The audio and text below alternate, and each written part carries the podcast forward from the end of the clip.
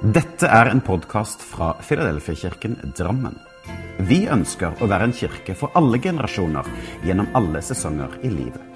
Vi håper denne talen vil skape noe godt, og at du kan finne både håp, trøst og styrke i den kristne tro. Les mer om vår kirke på filadelfiadrammen.no. Ordtaket 'Fortell meg hvem du omgås, så skal jeg si deg hvem du er', er et eldgammelt ordtak. Og det stammer fra en gresk vismann som levde for flere tusen år siden. Ja, de du er sammen med, de vil prege deg. For er du i et negativt miljø, et arbeidsmiljø som florerer av baktalelse og sladder, så, så vil det påvirke deg. Dersom familien din har vaner om å sende sarkastiske kommentarer, så vil det påvirke deg. Og slik er vi mennesker laget, at vi påvirkes av de rundt oss. Ja, om vi vil eller ikke. Og lever du i en familie som preges av raushet og oppmuntrende ord, bamseklemmer og det å gjøre hverandre gode, så vil det òg prege deg. Og du vil ta det med ut i livet og påvirke andre. For i livet så er det slik at vi bevisst eller ubevisst blir påvirket. Og eh, du kan enten være den som blir påvirket, eller den som faktisk påvirker andre. Jeg har kalt min preken for 'Mer og mer lik ham'. For tidligere denne høsten så har jeg talt rundt dette med disippelskap. Et etterfølgelse. Og jeg snakket om denne introverte og den ekstroverte disippel. Og jeg sa at Edin Løvaas han kom opp med seks ulike kjennetegn for en disippel, hvor han løftet fram den første, som var at en disippel har en personlig relasjon med Jesus. Og nummer to at en disippel lever dagliglivet sammen med Jesus. Og I dag så har jeg lyst til å løfte fram dette tredje kjennemerket som Edin Løvaas løfter fram. Nemlig en disippel blir stadig mer lik Jesus. Mer lik Jesus. Ja, det er jo et av kjennepunktene på eller kjernepunktene i den kristne troa. Så vi er alle invitert til å tro på Jesus. Og når vi har tatt imot Jesus, så blir vi invitert med på en vandring sammen med ham. Og jeg elsker nettopp dette begrepet 'i bevegelse mot Jesus'. Ja, Det sier noe om at vi alle er invitert nærmere Han. Og eh, noen kan føle at de lever på avstand av Jesus, og andre kan kjenne at de lever tett på. Noen har en definert tro, mens andre strever litt med å kalle seg en kristen. Det handler ikke om hvor du er i forhold til Jesus, men i hvilken retning du er på. Ja, for Jesus han sier jo 'følg meg'. Og så er det opp til oss da å snu oss mot ham, men òg da å gå mot ham og være i bevegelse mot Jesus. Og så er det en plass på denne vandringen, så tar man altså imot Jesus og blir en kristen. Og for noen så er dette en spesiell dag, mens andre så er det mer som går over en tid. Det ser ulikt ut hos oss alle. Men det handler om at vi har fått troen i hjertet og er invitert i bevegelse mot Jesus. I vår kirke, i Filadelfia-kirken Drammen, så har vi en visjon, en hensikt. Vi ønsker å være en utstrakt hånd, tilby et fellesskap og lede mennesker til tro på og etterfølgelse av Jesus. Ja, for vi ønsker å vise Jesu barmhjertighet ved å være en utstrakt hånd. Vi ønsker å tilby et fellesskap ved å ha åpne og inkluderende samlinger som er tilgjengelige for alle. Og vi ønsker å lede mennesker til tro på Jesus. Og den fjerde delen er at vi ønsker å lede mennesker til etterfølgelse av Jesus. Altså et neste steg etter at man har tatt imot Jesus som sin herre og frelser. Så la meg få lov til å forklare litt mer. For i den kristne tro så brukes to sentrale begreper. Det ene det er rettferdiggjørelsen, og det andre er helliggjørelsen.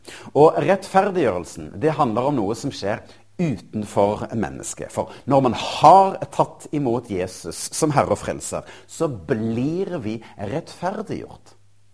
Og dette ordet rettferdiggjørelse det stammer egentlig fra, fra rettssalen. Altså når en person rettferdiggjøres, så betyr det at vedkommende erklæres da for å være uskyldig i forhold til det man er da anklaget for.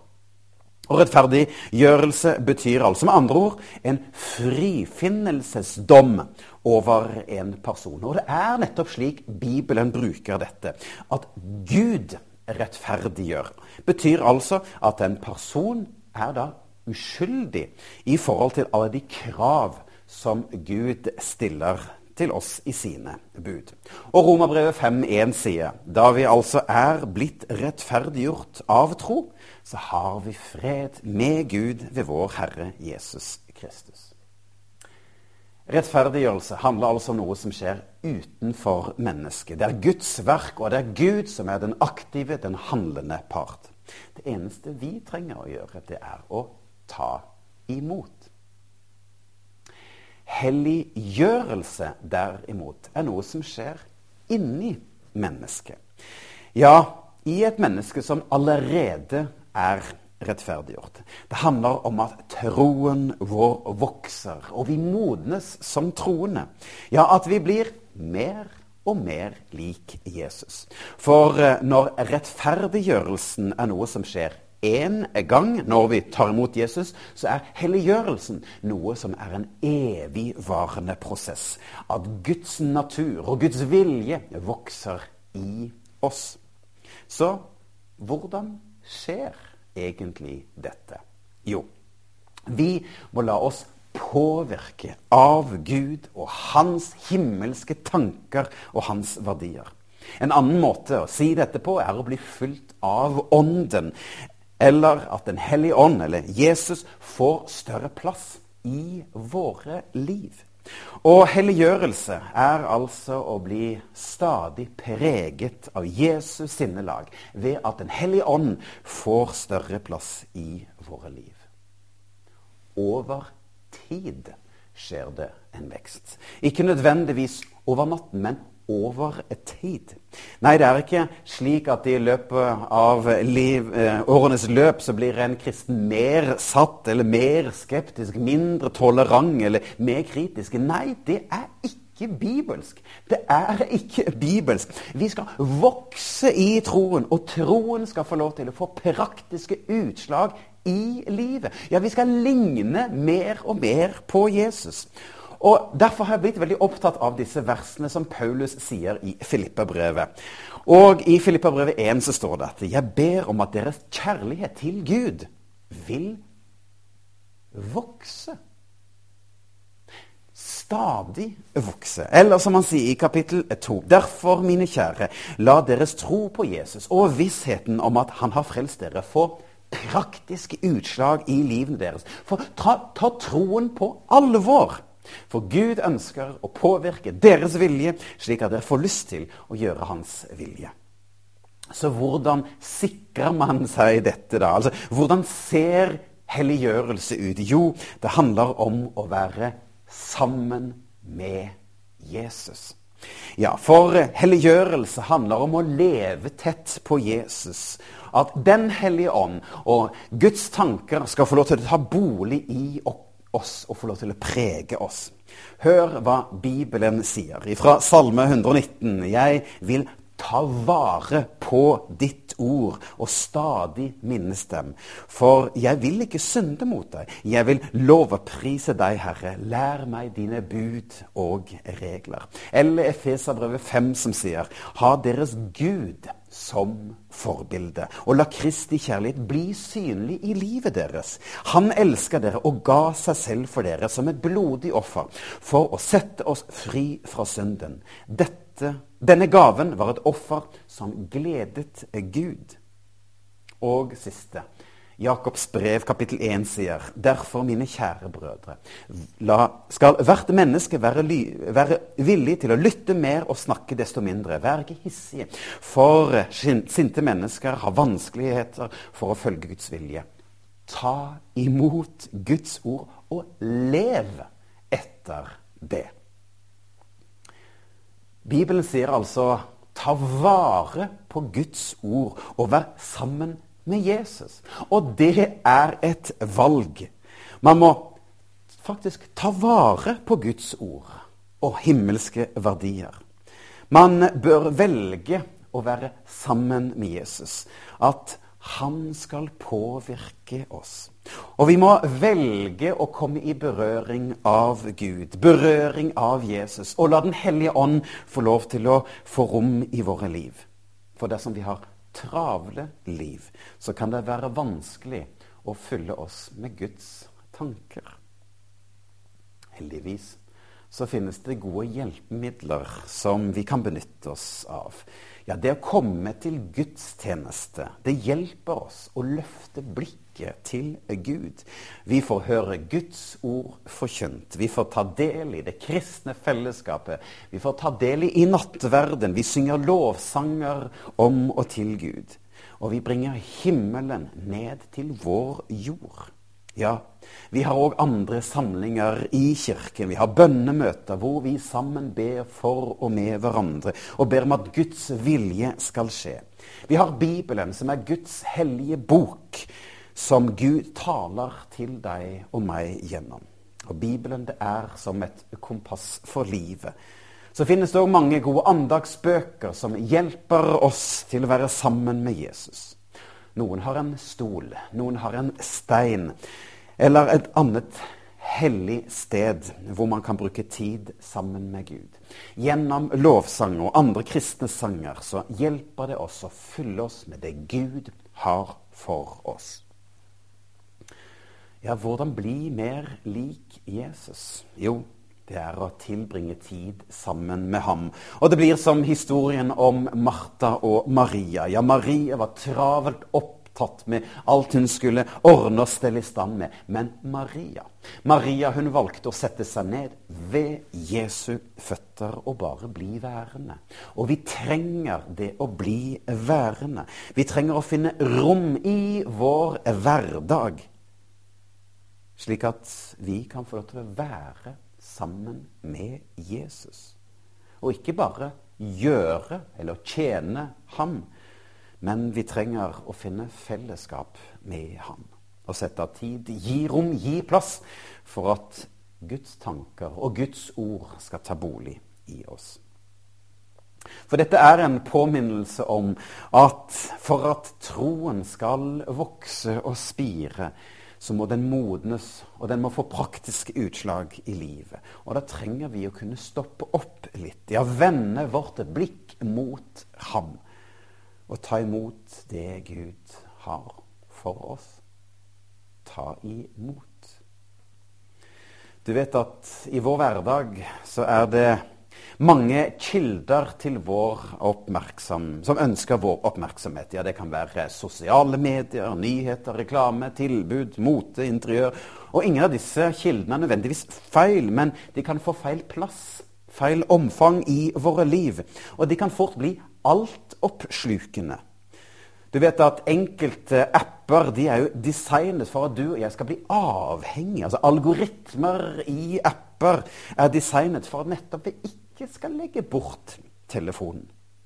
Men vi trenger å minne oss om at eh, det er noe som er bedre og viktigere kilder i livet. At Gud skal være vår hovedkilde. Og for at Han skal få lov til å få mer plass, at Den hellige ånd skal få lov til å tale inn i vår liv, så må vi prioritere vår tid. Og kanskje du trenger nettopp å bli litt mer bevisst på å la Gud få slippe til. Ja, ikke, ikke misforstå. Ikke plikt eller ikke dårlig samvittighet som motto for å være sammen med Gud. For da blir premissene feil. Men min oppgave i dag det handler om å minne deg om å gi Gud rom og plass i ditt liv, slik at troen kan vokse. At troen kan modnes, og at vi kan stadig bli mer og mer lik Jesus. Ja, for disippelskap, eller etterfølgelse av Jesus, handler om å lære fra og følge Mesteren. Han leder oss og viser oss retning i livet. Og da må vi ikke være den som går egne veier eller ønsker å være herre selv i livet, men å gi ham mulighet til å prege oss og lede oss. Det handler selvsagt ikke om blind lydighet eller tankeløse mennesker. Dette med etterfølgelse handler om, men det handler om å lære fra Gud. Det handler om å bli inspirert og preget av Jesu liv og karakter. Det handler om et liv hvor Jesus setter retning. Det handler om et liv som hjelper andre nærmere Jesus. Og det handler om et liv hvor Den hellige ånd får lov til å tale til oss, får lov til å minne oss om det Jesus har lært oss. Så for at alt dette skal skje, så må vi gi rom for at Jesus skal få lov til å påvirke vårt tankesett, vår tro, våre holdninger, våre verdier, våre vaner, vår tjeneste og vår agenda. For vi lever med en større hensikt over livet enn bare oss selv. Vi er etterfølgere av Jesus, og troen skal modnes. Og vi har ikke forstått og skjønt alt enda. Men vi er invitert til en reise sammen med Gud. Og Rick Warren fra USA har skrevet denne populære boken som kom ut for en del år siden, som heter 'Målrettet liv'. Og den peker på at vår eh, kristen modning handler om å kjenne Jesus. Om å vokse i Jesus. Om å tjene Jesus, og om å dele Jesus. Kjenne, vokse, tjene og dele. Og her er mitt hovedpoeng i dag, som jeg har lyst til å lande i her i dag for deg. For å vokse i Jesus så trenger vi å gi ham rom, tid, plass og oppmerksomhet i våre liv. Og hvordan det ser ut i ditt liv, ja, det er det kun du som vet. Men det jeg vet, det er at vi trenger å være nær ham. At han er den som skal få lov til å påvirke oss. At troen skal få lov til å få næring, slik at de, den stadig vokser. Så du er invitert til å bli mer og mer lik Jesus.